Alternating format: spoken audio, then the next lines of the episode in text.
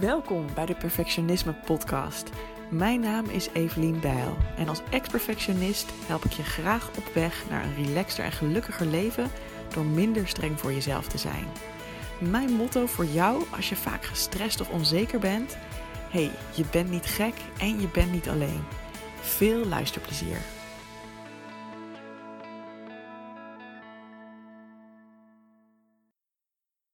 Hey, wat super tof dat je weer luistert naar een nieuwe aflevering van de Perfectionisme Podcast. Mijn naam is Evelien Bijl en ik ben de Perfectionisme Coach. En ik ben gewoon een beetje schor van het vele kletsen.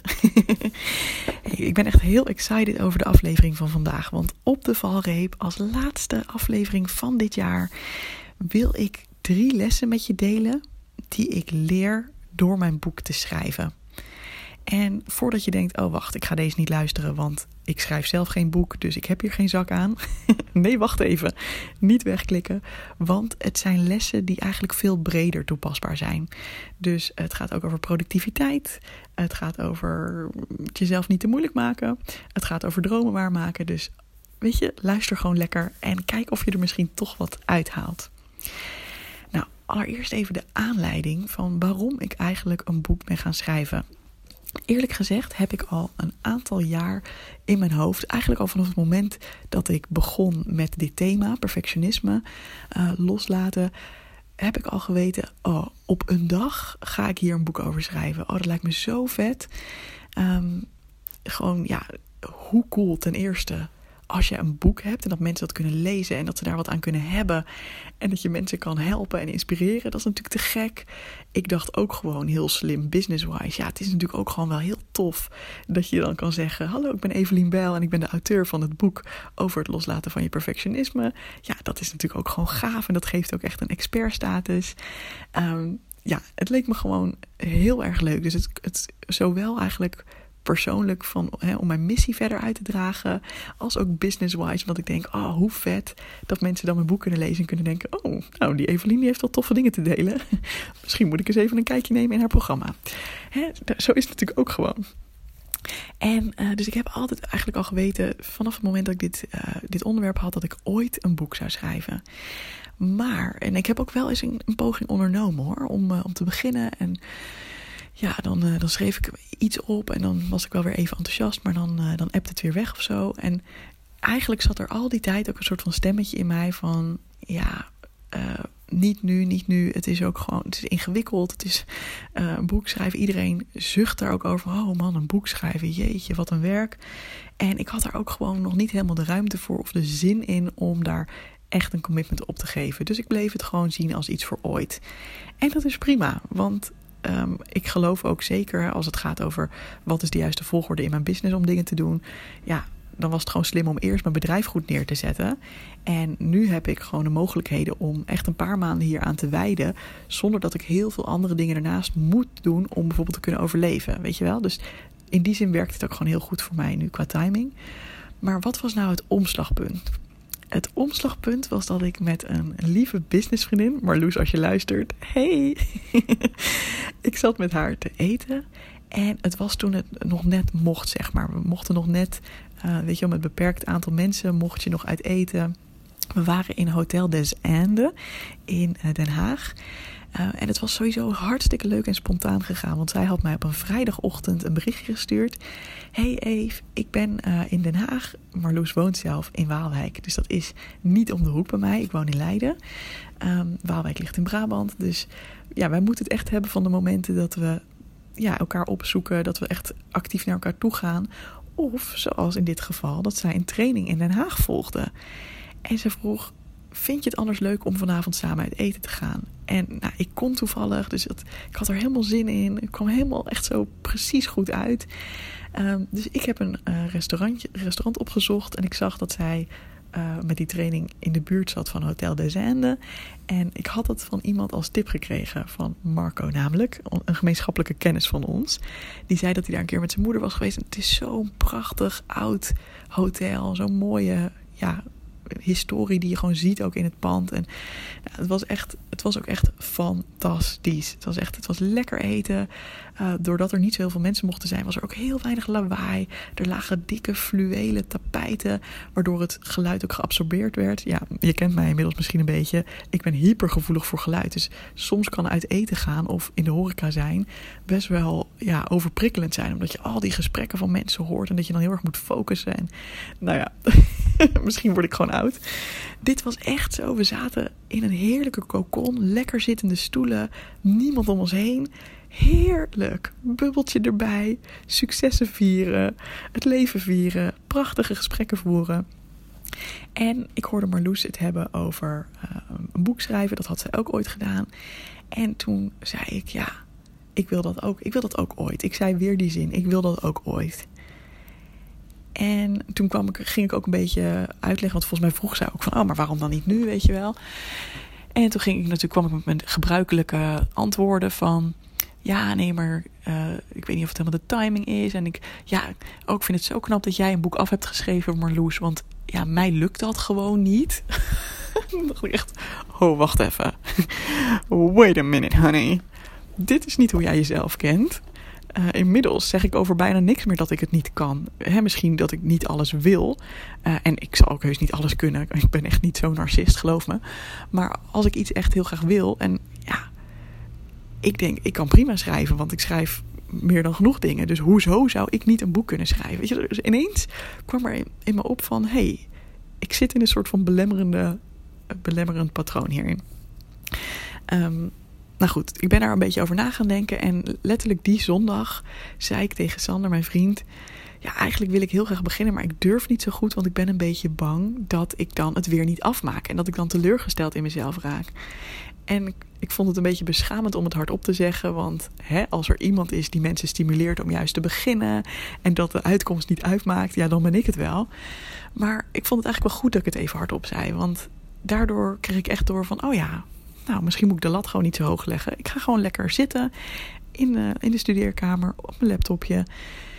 En ik ga gewoon beginnen en ik verzin een outline. Ik had namelijk ook inmiddels een heel boek gelezen over hoe jij als expert een boek kan schrijven. Dat was een heerlijk boek waar ik echt in twee of drie uur gewoon doorheen geraasd was, waar superveel goede tips in zaten. En ik las het met het idee dat ik ooit een boek ging schrijven. Maar ik voelde gewoon van binnen, ah, ik wil het eigenlijk gewoon nu gaan doen. Ik vind het een beetje spannend, maar ik wil het eigenlijk wel. En dus ben ik inderdaad gaan zitten.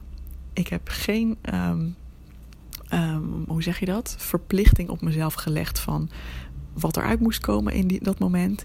En anderhalf uur later kwam ik de studeerkamer weer uit. Had ik de totale outline van mijn boek, het totale idee geschreven.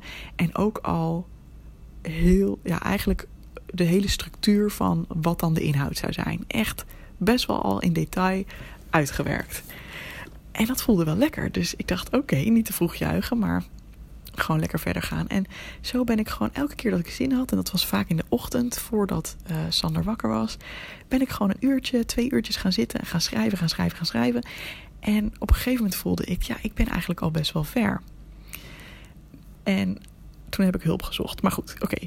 Uiteindelijk werd het dus van alleen maar een droom. Kwam ik op het punt dat ik dacht: fuck it. Ik ga echt een boek schrijven. En dat punt was toen ik investeerde in hulp. En um, ik had namelijk dat boek gelezen waar ik je over vertelde. Dat heette volgens mij um, tips, 50 tips om een boek te schrijven als uh, expert of iets dergelijks. ik, ik, de titel nu eenmaal. Um, van Daisy Godijn. En ik dacht, oh, ik vind dat zij heel fijn schrijft. Ik vind dat zij heel toegankelijk maakt en lekker concreet maakt hoe je dit aanpakt ik ga gewoon eens kijken of zij mij hierbij kan helpen. Want ik wist ook dat ik mijn boek in eigen beheer wilde uitgeven. Um, omdat ik dan 100% zeggenschap heb over wat ik er precies mee doe, wat ik erin zet, hoe ik het aanbied. Dat uh, ja, vind ik als ondernemer gewoon heel fijn. Um, en inderdaad, Daisy kon me daarbij helpen. Zij, is, zij heeft dus een um, bedrijf waarmee zij uh, ondernemers helpen om boeken uit te geven in eigen beheer. Dat is gewoon helemaal hun jam. En dat was natuurlijk best een investering, hè, want dat kostte iets van, nou, iets van 1750 euro, kleine 2000 euro puur voor de schrijfcoaching, dus voor de begeleiding van het schrijven. En dan nou je moet even denken aan minimaal iets van 5000 euro om het boek ook daadwerkelijk te laten drukken en redigeren. Weet je, al die dingen, design, dat soort dingen. Dat is een heel grof getal hoor. Maar nou ja, hè, exclusief BTW. Dus ik ben sowieso wel iets van 10.000 euro hieraan kwijt. Ehm, en natuurlijk kun je denken, ja, maar je gaat ook boeken verkopen. Ja, nee, tuurlijk. Maar ehm, ja, gewoon even om heel eerlijk te zijn. Voor mij is het gewoon een investering. En ik zie het ook echt als een heel mooi onderdeel van mijn marketing. Omdat ik geloof dat mensen die dit boek lezen denken: oh, dit is vet. nu wil ik wat doen. Maar het is best even een stap. Dus ik, ik ging weer even nadenken van: oh, even een nachtje erover slapen. Want ik was heel enthousiast in het gesprek. Maar ik weet ook voor mezelf dat het gewoon goed is om even, heel even te laten bezinken. En dan vervolgens wel naar mijn gevoel te luisteren. Nou, dat gevoel was de volgende dag nog steeds heel sterk. Dus ik dacht gewoon: yes, let's go. En dat was echt het moment dat ik wist: mijn boek gaat er komen. En welke lessen heb ik nou geleerd in dit proces? En welke lessen kun jij misschien ook wel hiervan meenemen? Nou, de eerste is dus dat ik maar bleef zeggen: ooit wil ik een boek schrijven. Ooit wil ik een boek schrijven. En de vraag aan jou is dus ook: zijn er dingen die jij al heel lang roept dat jij ze ooit wilt gaan doen? Dat jij ze ooit wil gaan leren? Dat je ze ooit in je leven zou willen? En check eens bij jezelf wat er gebeurt als ik mijn verhaal vertel. Komt er misschien iets in jou naar boven borrelen van. Is ooit misschien nu? Want ik ben zelf namelijk inmiddels ook wel zo dat ik denk: ja, je weet ook niet hoe lang het leven duurt. Je weet niet wat er nog gaat komen. Dus als ik het voel, doe ik het. En dit is niet bedoeld om jou te pressuren. Of weet je, als je juist denkt van oh nee, ik heb er nu die ruimte niet voor. Ik ben al zo gestrest. Ik heb, ik heb het al heel druk. Of er gebeurt al te veel in mijn leven. Oh jee, Evelien zegt dat ik nu mijn dromen moet najagen. Maar uh, nee. Weet je, als, als je er alleen maar weerstand bij voelt, alleen maar angst, alleen maar paniek, nou, dan is het misschien nu nog niet helemaal het moment. Maar het kan zijn dat dat verlangen in jou gaat borrelen en dat dat groter wordt dan de angst om het niet goed te doen.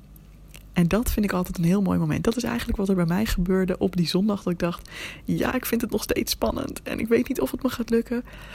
Maar weet je wat? Ik ga het gewoon proberen. Ik ga gewoon een heel klein stapje zetten en ik ga gewoon beginnen. En de tweede les die ik leerde tijdens het schrijven van het boek. En ik ben nog niet helemaal klaar hoor, als je dit hoort. Of tenminste, als ik dit opneem. Um, maar ik heb al wel een groot deel gedaan wat ik heb geleerd is eigenlijk iets wat ik al wist, maar ik heb het nu ook hier weer gezien. En dat is namelijk: het mag makkelijk gaan. Weet je, zo vaak denken we dat als het makkelijk gaat, als we het niet druk hebben, als dingen niet moeilijk zijn, als we niet gestrest zijn, dat we dan iets niet goed doen toch? Ik bedoel, niet voor niks. Als mensen vragen hoe gaat het met je, zeggen we heel vaak ja, goed, druk, druk, druk. Alsof dat een soort van bevestiging is van dat jij je dingen lekker voor elkaar hebt. Alsof jij een soort van moet lijden, ehm, omdat je anders niet serieus genomen wordt. Nou, dit is ook iets wat ik heel erg in mijn werk een keer heb gehad. Dat iemand tegen me zei: Ja, alles lijkt bij jou redelijk makkelijk te gaan. Um, en dat vinden andere mensen ook niet altijd leuk om te zien. Want mensen, sommige, voor sommige mensen gaat het wel een beetje moeilijk. En dan kom jij daar gewoon met eh, la la la la la. En je gaat lekker op tijd naar huis. En ja, daar kunnen mensen wel eens moeilijk naar kijken. En ik vond dat heel heftig om te horen. Maar ik heb me ook voorgenomen, ja, dag. Ik ga niet zitten lijden alleen maar omdat andere mensen het anders vervelend vinden. Nee, fuck dat. Ik zou het juist fijn vinden als iedereen een voorbeeld nam aan dat je niet hoeft te lijden. En nogmaals, hiermee bedoel ik niet als jij nu lijdt. Dus als jij nu gestrest bent, onzeker bent, moe bent, burn-out bent, depressief bent, angstig bent. Dat jij dan dus iets verkeerd doet. Absoluut niet. Absoluut niet. Het zijn allemaal dingen die ik ook heb gekend of ken. Uh, en die bij het leven horen. Dat weet je hopelijk ook als je naar meer van mijn podcast luistert. Maar eh, maak het jezelf niet nog moeilijker dan nodig. Dus ja, die gevoelens horen erbij. Maar in mijn geval, heel concreet voor het schrijven van dit boek, ik heb bijvoorbeeld heel bewust het schrijfproces losgetrokken van het redigeerproces. Dus ik ben gewoon elke keer dat ik er zin in had, een uurtje of twee uurtjes gaan zitten. Bam, bam, bam, bam, bam. Lekker schrijven, schrijven, schrijven, schrijven, schrijven. Gooi er maar uit, gooi er maar uit. Geen uh, perfectionisme, geen idee van, oh, klopt dit wel helemaal? Nee, want ik, ik wist, dit is de fase dat ik gewoon creëer, dat ik maak, dat ik dingen opschrijf. En er komt hierna nog een fase dat ik ga kijken: hey, is het een logisch verhaal? Um, vind ik ook dat ik het lekker duidelijk op heb geschreven? Klopt het nog een beetje met elkaar? Is het consistent? Weet je, dat komt hierna wel. Maar eerst het maken, want wat we vaak doen, is dat we onszelf al in eerste instantie tegenhouden en blokkeren door te vinden dat we in één keer dan dingen perfect moeten opschrijven of perfect moeten doen. Weet je, kun jij voor hetgene waar jij nu voor staat ook dit lostrekken? Dat je eerst iets gewoon gaat maken, eerst iets gaat beginnen met iets, wat dan ook. En dat je dan met jezelf afspreekt. En pas daarna, als ik alles lekker eruit heb gegooid, dan ga ik het checken. En dat hoeft ook niet een heel heftig proces te zijn van jezelf kastijden dat je het allemaal niet goed hebt gedaan. Nee, gewoon even, dat je misschien de volgende dag dat je even kijkt. hey, hoe, hoe ziet het eruit? Wat wil ik anders? Met dit boek heb ik het niet zo gedaan. Met dit boek heb ik eerst alles geschreven. En ben ik daarna dus met die schrijfcoach aan de slag gegaan. En krijg ik feedback van haar. En uh, nou ja, verander ik dingen, zeg maar. Omdat ik niet mezelf wilde blokkeren al in het schrijfproces. Dus tip 2, het mag makkelijk gaan. Hoe kun je het jezelf makkelijker maken? Waar kun je je blokkades eraf halen? Waar kun je je perfectionisme loslaten en gewoon iets gaan maken? En dan de derde, les die ik hieruit leer. En dat is gewoon eentje waar ik zo gelukkig van word elke keer dat ik dat weer doe. En dat is dat ik hulp mag inschakelen ik, ik, vertelde je al, ik heb dus die schrijfcoach ingehuurd. Ik heb dus flink geïnvesteerd daarin. Ik zou ook voor veel minder geld waarschijnlijk zelf drukkerijen kunnen benaderen. Zelf um, partijen kunnen zoeken om allerlei dingen mee te doen. Ik zou geen schrijfcoaching kunnen nemen en het gewoon zelf doorbikkelen. En misschien was het dan ook wel gelukt. Alleen ik weet wel dat het proces dan een stuk langer zou duren. Dat ik een stuk meer frustratie zou hebben. Want ik zou de hele tijd denken: fuck hoe, hoe moet ik dit nou weer aanpakken? En ja, hoe lekker dat er gewoon een partij is die hier ervaring mee heeft, die mij gewoon kan helpen. En dat ik het gewoon uitbesteed. Zodat ik me kan focussen op wat ik doe, namelijk het schrijven. En, um, en dat zij alles uit handen kunnen nemen wat daaromheen komt kijken. Waar ik ook helemaal geen expert in wil worden. Ik wil helemaal niet per se weten hoe je een boek aanmeldt bij, voor een ISBN-nummer of bij het Centraal Boekhuis. Joh, dat is kennis waar ik verder helemaal niet zoveel aan ga hebben. Ja, misschien ga ik wel meer boeken schrijven. Maar ja, ik verkeer in de luxe positie dat ik dat kan uitbesteden. Dus hoe fijn om dat te doen. Nou, dit gaat natuurlijk om een flinke investering.